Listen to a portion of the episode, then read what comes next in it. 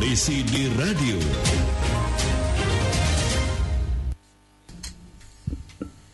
Ya, pendengar saat ini Anda kami ajak untuk bergabung dalam satu program Polisi di Radio dan uh, di mana Polisi Republik Indonesia menggelar Operasi Patuh Candi 2022 yang akan digelar pada tanggal 13 sampai 26 Juni 2022. Pada operasi Patuh Candi kali ini kepolisian rencananya nantinya akan tidak akan melakukan manual seperti yang dilakukan pada operasi Patuh Candi sebelumnya, namun juga uh, operasi saat ini akan mengutamakan tindakan preventif, preventif dan penegakan hukum. Bagaimana sejauh ini hasil operasi Patuh Cari dan bagaimana kemudian nanti prosesnya sampai ke depan. Kita akan jumpai Kasubdit Gakum di Tantas Polda Jawa Tengah AKBP Aidil Fitri. Polisi di Radio. Pak Aidil selamat siang. Selamat siang Mas. Sehat Pak Aidil ya? Alhamdulillah sehat. Alhamdulillah sehat Pak Aidil. Pak Aidil saya mau tanya Pak Aidil. Ini sudah uh, tiga hari yang lalu ada operasi Patuh Candi. Kayaknya beda ya operasi Patuh Candi kali ini dengan operasi-operasi yang dilakukan sebelumnya Pak Aidil. Ya, jadi eh, kami jelaskan operasi patuh ini akan dilaksanakan tanggal 13 sampai dengan tanggal 26 eh, Juni 2022. Ya. Nah, konsepnya saat ini sebetulnya eh, sama seperti sebelum-sebelumnya, namun ada salah satu cara penindakannya yang berbeda. Mhm. Nah, kalau dulu cara penindakan kita tadi yang dikatakan cara konvensional, Mhm. eh, sekarang kita tidak bersentuhan lagi dengan masyarakat, tapi kita menggunakan cara elektronik. Aha. Di mana eh, Jawa Tengah ini punya program eh, ada menggunakan mobil handphone. Ya. Namun sebelumnya programnya Pak Kapolri menggunakan etle eh, statis Ya. itu sudah berjalan eh, sejak dua tahun yang lalu. Hmm. Namun dikembangkan oleh Polda Jawa Tengah untuk menjangkau tempat-tempat yang rawan dengan pelanggaran yang tidak terjangkau dengan kamera etle statis itu. Makanya kita mempunyai inovasi menggunakan mobil handphone, di mana mobil handphone itu bergerak secara hunting, secara dinamis, mencari adanya pengguna jalan yang tidak mematuhi aturan lalu lintas atau adanya pelanggaran. Nah, sehingga begitu kita melihat adanya pelanggaran, eh, petugas langsung mengcapture Kemudian dari hasil capture itu akan kita verifikasi dan validasi dulu untuk data regidennya. Artinya TNKB yang digunakan betul atau tidak dengan yang digunakan pada saat terjadinya pelanggaran. Nah, apabila data tersebut memang sudah cocok dengan data yang digunakan eh, pelanggar eh, kendaraan yang digunakan oleh pelanggar, maka akan kita konfirmasi Mhm. eh, ke alamat yang ada di data eh, regiden kami. Mhm. Kemudian nanti pelanggar bisa melihat begitu ada surat konfirmasi ini eh, pada saat eh, hari apa, jam kapan, lokasinya di mana dia bisa melihat bahwa dia ada pelanggaran sehingga di situ ada bukti otentik eh, bahwa eh, si pelanggar tersebut benar adanya melakukan pelanggaran pada saat itu. Mhm. Nah, kemudian daripada pelanggar itu bisa mengkonfirmasi ke kami Oh ya. bahwa e, benar ini kendaraan yang digunakan miliknya dia, kemudian kebetulan dia juga yang menggunakan, ya kan? Kemudian nanti dia mohon konfirmasi. Cara konfirmasinya itu gampang sekali, Mas. Mhm. Dia bisa menggunakan kontak handphone WhatsApp yang kita berikan Ya. atau dia mengisi Google Form. Oh. Nah, jadi ya. gampang sekali. Jadi masyarakat pun tidak perlu datang ke tempat kami. Semisal saya, kon- saya kita simulasi ya Pak, sambil Ya. dibayangkan saya semisal sebagai seorang pengendara kemudian ingin melakukan tadi berarti saya perlu hanya buka handphone. Buka handphone, jadi kita ada surat konfirmasi. Mhm. ya kan mem- menginformasikan bahwa pelanggar ini pada saat tanggal jam lokasi ini melakukan pelanggaran. Mhm. Contohnya tidak menggunakan helm. Mhm. Nah, kemudian setelah dikonfirmasi fotonya juga ada. Kemudian si pelanggar mengakui bahwa ini kepemilikannya punya dia. Mhm. Nah, ke- kemudian pelanggar kan eh, harus membayar denda eh, tilang sesuai dengan pelanggarannya. Ya. Nah, itu cukup dia mengkonfirmasi bahwa eh, benar ini punya dia dan dia ingin membayar dendanya. Oke. Nah, kemudian dari petugas kita nanti akan membalas WA tersebut. Ya kan? Nanti akan memberikan nomor registrasi beripanya kepada si pelanggar tadi menggunakan WhatsApp tadi. Nah, setelah mendapatkan nomor registrasi beripa yang akan dibayarkannya bisa menggunakan ATM, bisa menggunakan eh, kebetulan kita koordinasi kerjasama dengan BRI ya Ya. bisa dengan menggunakan BRI Mobile, ya kan? Atau kalau dia mau secara manual, dia tidak puas dengan gambar yang ada tadi dia bisa datang ke kantor Ditlantas atau kantor Satlantas, kemudian dia bisa melihat eh, pelanggarannya, kemudian dia bisa bisa langsung membayar dengan petugas kami. Mhm. Nah, artinya dia bisa secara manual bisa, secara elektronik juga bisa. Intinya kami memudahkan. Nah, namun bagaimana caranya kalau seandainya kendaraan itu sudah tidak dimiliki lagi oleh eh, si pengguna sesuai dengan alamat tersebut? Mhm. Ya, biasanya kan sudah diperjualbelikan. Iya, nah itu Pak, biasanya Nah, Pak. Itu nanti setelah satu minggu eh, dikonfirmasi bahwa itu bukan kepemilikannya lagi, sudah berpindah tangan, akan kita lakukan blokir, Mas. Oke. Blokirnya nanti langsung eh, masuk ke data Samsat, ke RI-nya, registrasinya. Nah, ketika si pelanggar itu akan membayar pajak tahunan, nanti dia disuruh eh, kita lihat dulu apakah ada pelanggaran atau tidak pada saat dia akan membayar pajaknya. Ternyata begitu kita lihat adalah pelanggarannya pada tiga bulan yang lalu jam sekian tanggal sekian lokasinya di sini dia tidak menggunakan helm.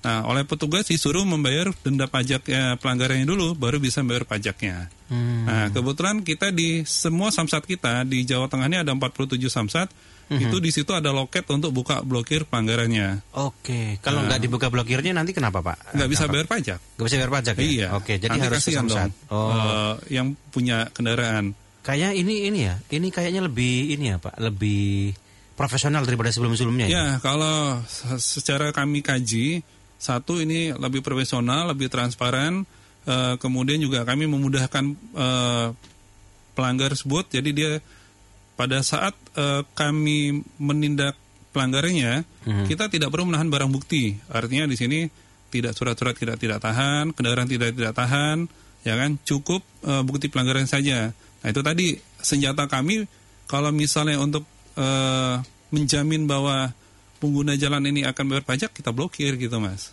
Mhm. gitu. Kalau dulu kan kita selalu menahan salah satu barang buktinya. Ya, ha. sehingga kan eh, si pengguna kendaraan tersebut takut dia nanti. Kalau misalnya SIM-nya SNK-nya kita tahan kan dia takut bepergian. Kalau ini kan tidak. Mhm. nah namun untuk eh, penindakan pelanggaran bisa lebih daripada satu kali. Mhm. jadi misalnya dia mem- belum eh, mengkonfirmasi yang pelanggar yang tadi, terus dia tiga hari kemudian melanggar lagi tidak menggunakan helm gitu, itu bisa kena lagi gitu loh, bisa di capture lagi. Nah kami harapkan eh, untuk ke depan sih pengguna jalan tuh sudah tertib semua ya, jadi petugas pun juga eh, bisa menurunkan angka pelanggaran di Jawa Tengah. Hmm, baik. Kalau eh, begitu berarti ini eh, bisa begini ya. Misal saya lagi naik motor tidak bawa helm, kemudian ke foto nanti bisa kekirim ya. Bisa. Bi- eh, yang yang jadi pertanyaan adalah kalau saya naik motor bawa helm tapi saya nggak bawa SIM atau bawa SNK. Ini Nah. ini bagaimana Pak? Jadi gini, ya ini juga dengan ada operasi patuh ini dengan tidak langsung kami mensosialis- mensosialisasikan juga kepada masyarakat bahwa pada prinsipnya kami tidak mencari eh, menggunakan razia stasioner. Jadi kami cara hunting, artinya kami yang kasat mata. Nah, artinya eh, misalnya pengguna pemakai jalan itu tidak membawa surat-surat asal dia tidak melanggar, dia tertib eh, dalam berkendaraan, ya kan? Itu saya pastikan sementara tidak akan kita tindak. Mhm. Kalau bicara surat-surat ya, Iya. karena yang akan kita tindak adalah pelanggaran kasat matanya. Oke. Contohnya tidak menggunakan helm, Mhm. eh, melawan eh, arus, Mhm. tidak menggunakan seat belt, menggunakan handphone, kemudian juga ada rambu-rambu parkir atau stop dia eh, parkir sembarangan. Nah, di antaranya begitu. Jadi kalau bicara surat-surat sementara kita kesampingkan dulu. Mhm. Namun kalau sekiranya memang eh, kita lihat ada anak eh, yang mungkin ya secara fisiknya kita yakinkan dia belum dewasa, artinya kalau kita lihat kayaknya ini masih kecil dan masih di bawah 17 tahun. Ya, kita tidak menindak tetapi kita himbau. Ya, kita ingatkan lebih baik jangan menggunakan roda dua dulu deh gitu loh. Ya. Nah, tapi kita pada prinsipnya eh, kita tidak tidak menindak. Tapi dengan catatan si pengendara itu menggunakan helm misalnya ya. Kemudian juga motor yang lengkap, ada spion, ada TNKB, kemudian knalpot tidak brong. Nah, kita lihat secara fisiknya kemudian kemungkinan masih kecil anak ini ya kita hanya mengingatkan saja. Jadi kita tidak memeriksa surat-surat kendaraannya. Hmm, oke baik. Ini ini artinya bagi anda pendengar yang barangkali kendaraannya belum lengkap segera dilengkapi ya. Karena jangan kemudian kalau dulu kan ini ya ada operasi, wah Ya. kelihatan kan kita deg-degan ya, ada Ya. operasi deg-degan. Kalau sekarang nggak ada operasi, nggak kelihatan tiba-tiba nanti kita dapat surat cinta. Ini yang repot. ini yang harus diperhatikan benar berarti kepada Betul. pendengar. Sebetulnya ini cara-cara yang lebih humanis gitu. Ya. hmm. Kenapa saya katakan begitu? Karena dengan adanya stasioner itu sedikit banyaknya menghambat laju arus lalu lintas yang yang ada di sekitarnya. Mhm. Kemudian kita juga mengurangi adanya debatable antara petugas sama pelanggar. Mhm. Kemudian juga kita juga mohon maaf memutus mata rantai adanya eh, pungli dan lain sebagainya. Mhm. Nah, bisa juga itu petugas atau bisa juga pengguna jalan yang mencoba-coba kepada petugas. Nah, artinya untuk memutus mata rantai itu ya kita menggunakan tilang cara elektronik. Nah, jadi tidak secara konvensional lagi. Mhm. Itu salah satu tujuannya kenapa Polri itu eh, membuat eh, tilang ini secara elektronik. Nah, kebetulan dua tahun belakangan ini kita juga kena eh, imbasnya daripada COVID tersebut. Ya. Nah, ini untuk memutus mata rantai juga. Ya. Nah, jadi walaupun sekarang COVID ini sudah agak menurun, tapi Mhm. tetap eh, kebijakan itu tetap kita laksanakan terus menggunakan tilang cara elektronik. Ini akan dilakukan selamanya atau bagaimana Pak? Iya, ini eh, ke depannya akan sampai menggunakan eh, tilang elektronik. Mhm. Kita tidak bicara konvensional lagi. Kalau kita konvensional kita artinya mundur ke belakang ya. Iya, Nah, tinggal kita menyempurnakan ke depannya bagaimana, terus inovasi-inovasinya yang akan kita kembangkan. Mhm. Nah, sehingga masyarakat pun akan lebih mudah ke depannya. Kalau dulu eh, masyarakat itu begitu ditindak, barang Hmm. bukti kita ambil, ya kan sebagai jaminan, mereka harus mengikuti sidang dulu. Mhm. Baru nanti ke kejaksaan mengambil barang bukti. Kalau sekarang birokrasi itu udah kita pangkas. Ya. Jadi begitu sudah kena tilang, kita capture itu, ya petugas cuman eh, menunggu konfirmasi, konfirmasi kembali ke kita bahwa dia ingin membayar, selesai. Mereka tinggal membayar aja. Yang saya katakan tadi di awal menggunakan ATM bisa, menggunakan mobil banking bisa, ya kan? Atau dia menitipkan juga eh, kepada saudaranya untuk datang ke kantor atau yang bersangkutan datang ke kantor juga nggak apa-apa. Jadi semua cara itu banyak gitu loh. Nah, yang pasti ini langsung eh, masyarakat yakin bahwa ini masuk ke kas negara, jadi tidak masuk ke perorangan. Ini Iya. salah satunya. Oke baik. Yang sempat ramai juga Pak Edil berkaitan dengan yang di medsos ya. Saya sempat lihat tren di medsos itu adalah berkaitan dengan uh, pelarangan penggunaan sandal jepit. Hmm. Nah itu itu bagaimana Pak? Ketika Jadi gini sandal mas, saya luruskan dulu ya. Ya harus diluruskan ini Pak. Ya, sebentar, Pak. Ya. jadi supaya tidak ada persepsi masyarakat itu seolah-olah polisi itu melarang masyarakat menggunakan sendal jepit pada saat Berkendara sepeda motor. Ya, sepeda motor khususnya ya. Mhm. Nah, jadi harus dipahami bahwa himbauan pimpinan itu, ya kan, bahwa dihimbau pengguna roda dua diupayakan tidak menggunakan sendal jepit. Mhm. Yang artinya untuk keselamatan si pengguna jalan tersebut, karena dari data laka lantas yang kami sajikan, bahwa banyak sekali pengguna roda dua itu yang kecelakaan rata-rata yang meng- menggunakan tidak menggunakan sepatu ya saya katakan sendal bisa sendal jepit sendal biasa atau lain sebagainya yang pelindungnya tidak maksimal itu kadang-kadang eh, kakinya sobek patah kemudian ada jari yang putus dan lain sebagainya namun eh, kami tidak ada statement bahwa yang menggunakan sendal jepit akan ditilang Ya. karena dalam undang-undang lalu lintas pun tidak ada tilang eh, apabila orang yang menggunakan sandal jepit ditilang tidak ada. Ya, jadi ini himbauan. Pada saat himbauan itu sudah kita eh, gelorakan, namun si masyarakat masih tetap menggunakan sandal jepit tidak apa-apa juga. Tidak ada larangan intinya, hanya himbauan. Nah, ini harus dipahami. Khawatirnya nanti kemudian gara-gara pakai sandal jepit kena tilang nggak ya? Enggak ada, enggak ada. Saya bisa jamin tidak ada. Iya. Ya, jadi statement pimpinan kami itu hanya menghimbau. Mhm. Ya, dilaksanakan itu syukur ya yang kita harapkan. Kalau tidak dilaksanakan juga nggak apa-apa. Hmm, oke baik. Ini jadi lebih jelas ya. Jadi jangan kemudian melihat medsos kemudian nanti malah jadi takut pro kontra. Ini memang dalam rangka untuk keamanan masing-masing. Karena kalau yang di meme-meme itu kan lagi pakai sandal jepit tiba-tiba kakinya kelindes sama ban mobil. Ya. itu demi keamanan memang ya. Demi keamanan. Dan hanya tidak tidak hanya sandal jepit ya, pakai helm, pakai Ya, seatbelt, artinya ya. semuanya. Karena kalau kita bicara ada aturan tidak tertulis, namanya kalau mau riding atau menggunakan kendaraan, itu kan idealnya kan pakai jaket supaya nggak masuk angin, Ya. menggunakan kacamata supaya tidak masuk eh, benda-benda kecil atau yang bisa menghalangi pandangan, Mhm. ya kan. Kemudian juga menggunakan pakaian yang tebal, menggunakan sepatu itu ideal, sarung tangan dan lain sebagainya. Mhm. Namun pelaksanaannya apabila tidak, ya mau menggunakan eh, celana pendek pun nggak apa-apa, menggunakan eh, sendal jepit pun tidak apa-apa juga, ya. Menggunakan sepatu tidak apa-apa. Jadi artinya eh, dipersilahkan saja senyaman mungkin pengguna jalan tersebut. Namun ini kan namanya himbauan. Mhm. Dan yang saya katakan tadi, eh, kalau kita lihat rata-rata orang yang memang betul-betul ingin reading itu kan biasanya udah ready semua tuh siap semua, Mhm. ya kan termasuk perbekalan-perbekalan ya yang situ tidak ada aturannya juga gitu kan. Mhm. Nah itu yang saya eh, klarifikasi gitu loh mas. Oke, baik. Eh, kalau ter- terkaitan dengan titik etle yang di Jawa Tengah berarti ada berapa titik Pak kalau di Jawa Tengah sendiri? Kalau kita bicara etle di Jawa Tengah, Mhm. Jujur eh, di masing-masing Polres itu rata-rata eh, belum punya semua. Belum semua ya? Iya. Mungkin di kota besar yang baru ya? Ya, jadi kalau kita bicara ini, kalau ada di kota Semarang itu ada di tiga titik, Ya. ada di Pandanaran, Mhm. eh, di bagian timur sama baratnya, Ya. kemudian di persimpangan SMP 2 Mhm. itu di titik timurnya. Ya.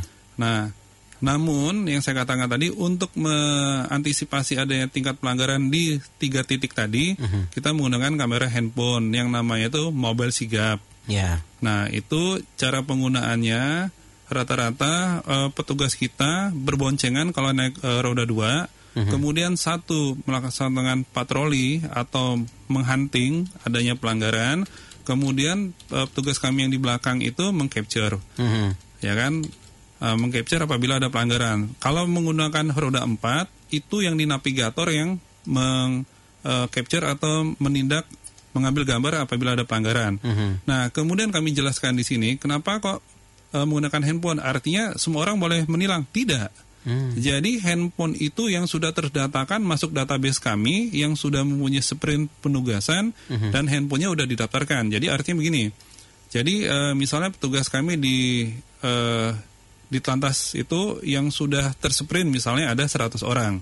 Nah, 100 orang itu di dalam handphonenya itu itu sudah diisi aplikasi atau diinjek aplikasi khusus yang namanya mobil sigap. Mhm. Dan itu terkoneksi dengan database kami yang ada di eh, di Telantas maupun yang ada di Korantas Mabes Polri. Mhm. Nah, jadi begitu mereka mengcapture mereka itu di situ ada surat tugas dan ada biodata si petugas. Ya. Jadi selain handphone yang yang sudah kita datakan sesuai nomor email dan sebagainya itu nggak nggak bisa, tidak berlaku.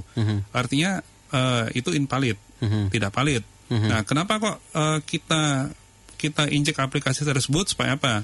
Supaya tidak ada komplain dari masyarakat bahwa ini resmi, ya kan sudah diketahui pimpinan, kemudian surat penugasan sudah menjadi satu, Mhm. ya apabila ada komplain kan, kemudian dia bisa memeriksa handphonenya kita Ya. bahwa biodatanya sesuai dengan yang si pengguna, misalnya handphone itu atas nama saya, biodata saya, sehingga yang boleh menggunakan hanya saya, Oke. ya kan? Jadi tidak boleh eh, teman saya, Orang lain. orang lain, atau tidak semua handphone. Takutnya kalau semua handphone nanti saya bisa pakai handphone anak saya, pakai handphone istri saya, baik. handphone kakak saya, adik saya kan. Nah itu itu yang kita minimalkan. Oke. Nah, Tahan dulu Pak, ada pendengar yang sudah bergabung, ada Pak Yani di Kendal ya, kita akan Ya. sapa. Pak Yani silakan. Selamat siang Mas Junior. Selamat siang Pak Yani. Pak Aidin Ya. monggo. Mengenai operasi patuh ini hanya edukasi kepada masyarakat hanya sekitar 14 hari aja Pak. Maka edukasi itu penting sekali karena karena bagaimana ya, keselamatan lalu lintas itu hak semua pengguna jalan maupun apa yang terjadi di situ tuh harus tekankan dengan pengertian-pengertian tentang kesadaran berlalu lintas dengan yang utama itu etikanya Pak. Hmm. Mengenai, mengenai apa itu nyawa wah nyawa korban tewas setiap hari di jalan raya itu melebihi korban orang itu sebenarnya dari dulu Pak, dari perang Irak itu Pak. Sampai ke Irak itu satu hari itu sembilan sembilan berapa ya? Salah satu bulan itu sembilan ratusan. Ya. Namun selama masa apa tuh mudik lebaran itu kita tuh mampu mencatat 1.400 tewas dalam satu satu bulan itu pak. Mhm. Kalau sekarang tuh jamnya tuh dua jam yang tewas. Nah, Dua jam. Mhm. Dua jam pak. Kalau jarak nyawa antara aspal tuh hanya satu jengkal pak, satu, satu kilan tuh. Gitu aja masih ada banyak yang berani ya. Iya. ya, itu banyak yang sembrono ya. Iya. Nah, operasi-operasi sekarang tuh mengedepankan tentang apa ya? Tentang menggunakan aplikasi, menggunakan kamera, menggunakan surat tilang, gitu. kalau nggak nggak ada penempatan di lapangan itu malah justru kadang yang pengguna-pengguna muda itu relatif mengabaikan kalau Mhm. muda itu, Pak. Oke. Ya kalau yang yang sudah dewasa sudah tahu aturan lalu lintas, apalagi etika ya mampu mampu me- melakukan semua itu. Mhm. Ya ke depannya itu upaya keselamatan itu ya penting sekali seperti seperti tanda jepit itu safety riding. Ya. Intinya Pak, barangkali apa kemudian yang mau disampaikan? Intinya. Ya intinya safety riding itu pak. Dan Oke. saya untuk keselamatan diri daripada kita memenuhi aturan rambu-rambu yang ada itu etika itu lebih utama. Oke. Baik. Terima kasih Pak ya. Itu saja terima kasih selamat siang Mas. Selamat siang Pak Ya. Selamat Ya. siang. Pak Yani di Kendal nih. Mohon tanggapannya silakan Pak. Jadi gini, yang dikatakan Pak Yan tadi kan i- eh, harusnya lagi operasi patuh kan digelorakan di eh, informasikan kepada masyarakat. Mhm. Ini udah kita lakukan. Jadi sebelum pada saat pelaksanaan kita tetap menggelorakan menggunakan medsos, eh, banner, spanduk-spanduk bahwa eh, 14 hari ke depan mulai tanggal 13 sampai 26 serentak seluruh Indonesia melaksanakan kegiatan operasi patuh. Ya. Nah, sehingga masyarakat paham artinya apa? Untuk 14 hari ini himbauan kita eh, supaya masyarakat tertib lalu lintas diharapkan setelah pasca operasi patuh ini masyarakat eh, kesadaran tertib lalu lintasnya semakin meningkat. Hmm. Gitu loh. Jadi bukan hanya pada saat operasi patuh saja.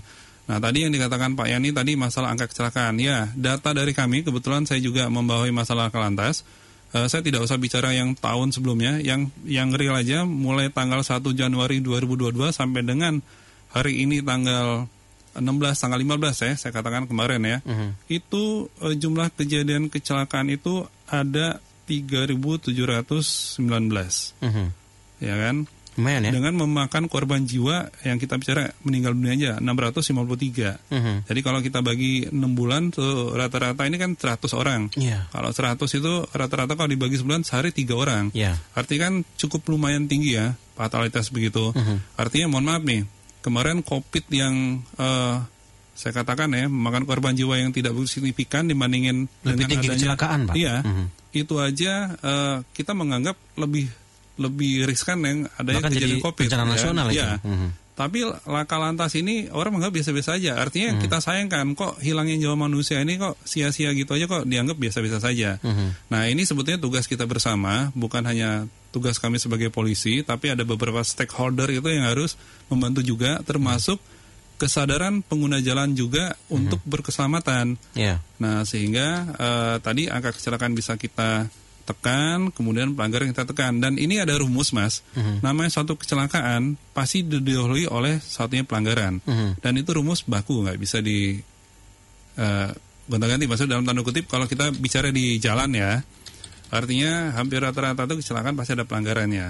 Mhm. Nah kecuali kalau kita bicara kecelakaan tunggal. Ya, Mhm, kalau bicara kecelakaan tunggal ya Beda mungkin lagi. beda lagi. Tapi Mhm. kalau bicara kecelakaan yang ada lawannya itu rata-rata ada pelanggaran. Ya. Nah, oleh karena itu kita untuk menekan meminimalisir pelanggaran itu ya kita tadi coba menindak secara humanis. Salah satunya tadi yang bicarakan hunting.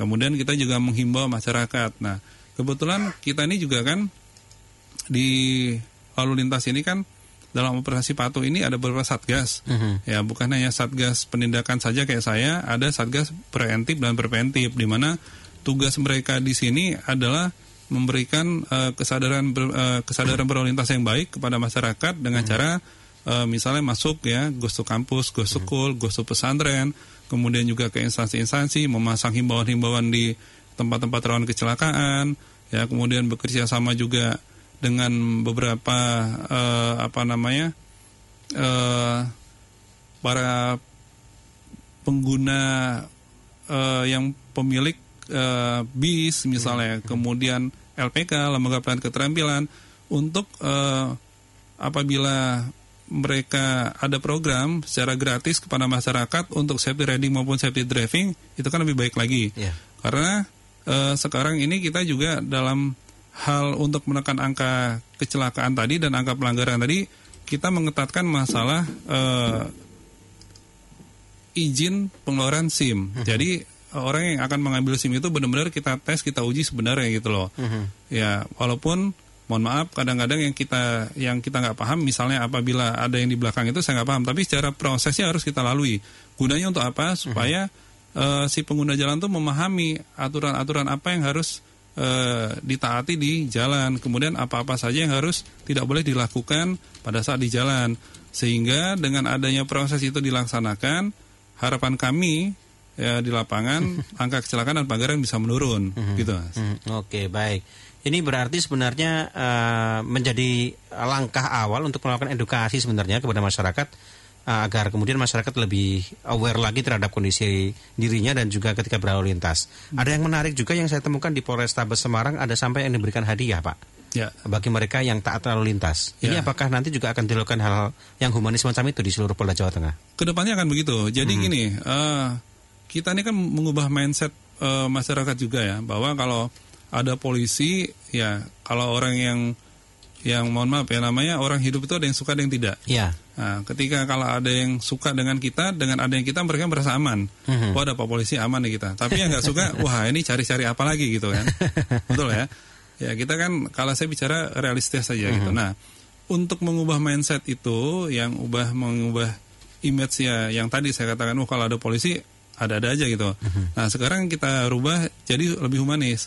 Jadi kita memberikan hadiah untuk mereka yang, yang tertib dalam eh, berlalu lintas maupun yang berkendaraan, ya kan? Nah ini gunanya apa? Untuk eh, memberikan contoh kepada pengguna jalan lainnya bahwa ya kan, wah ini mana tahu suatu saat saya tertib, saya dapat hadiah. Walaupun kita nggak tahu kapan waktunya gitu loh. Karena kalau dikasih tahu semua orang tertib. Mhm. Nah kita untuk mengubah tertib itu dapat hadiah atau tidak, harapannya eh, mereka juga akan tertib. Nah hadiah itu sebagai daripada bonus saja gitu loh.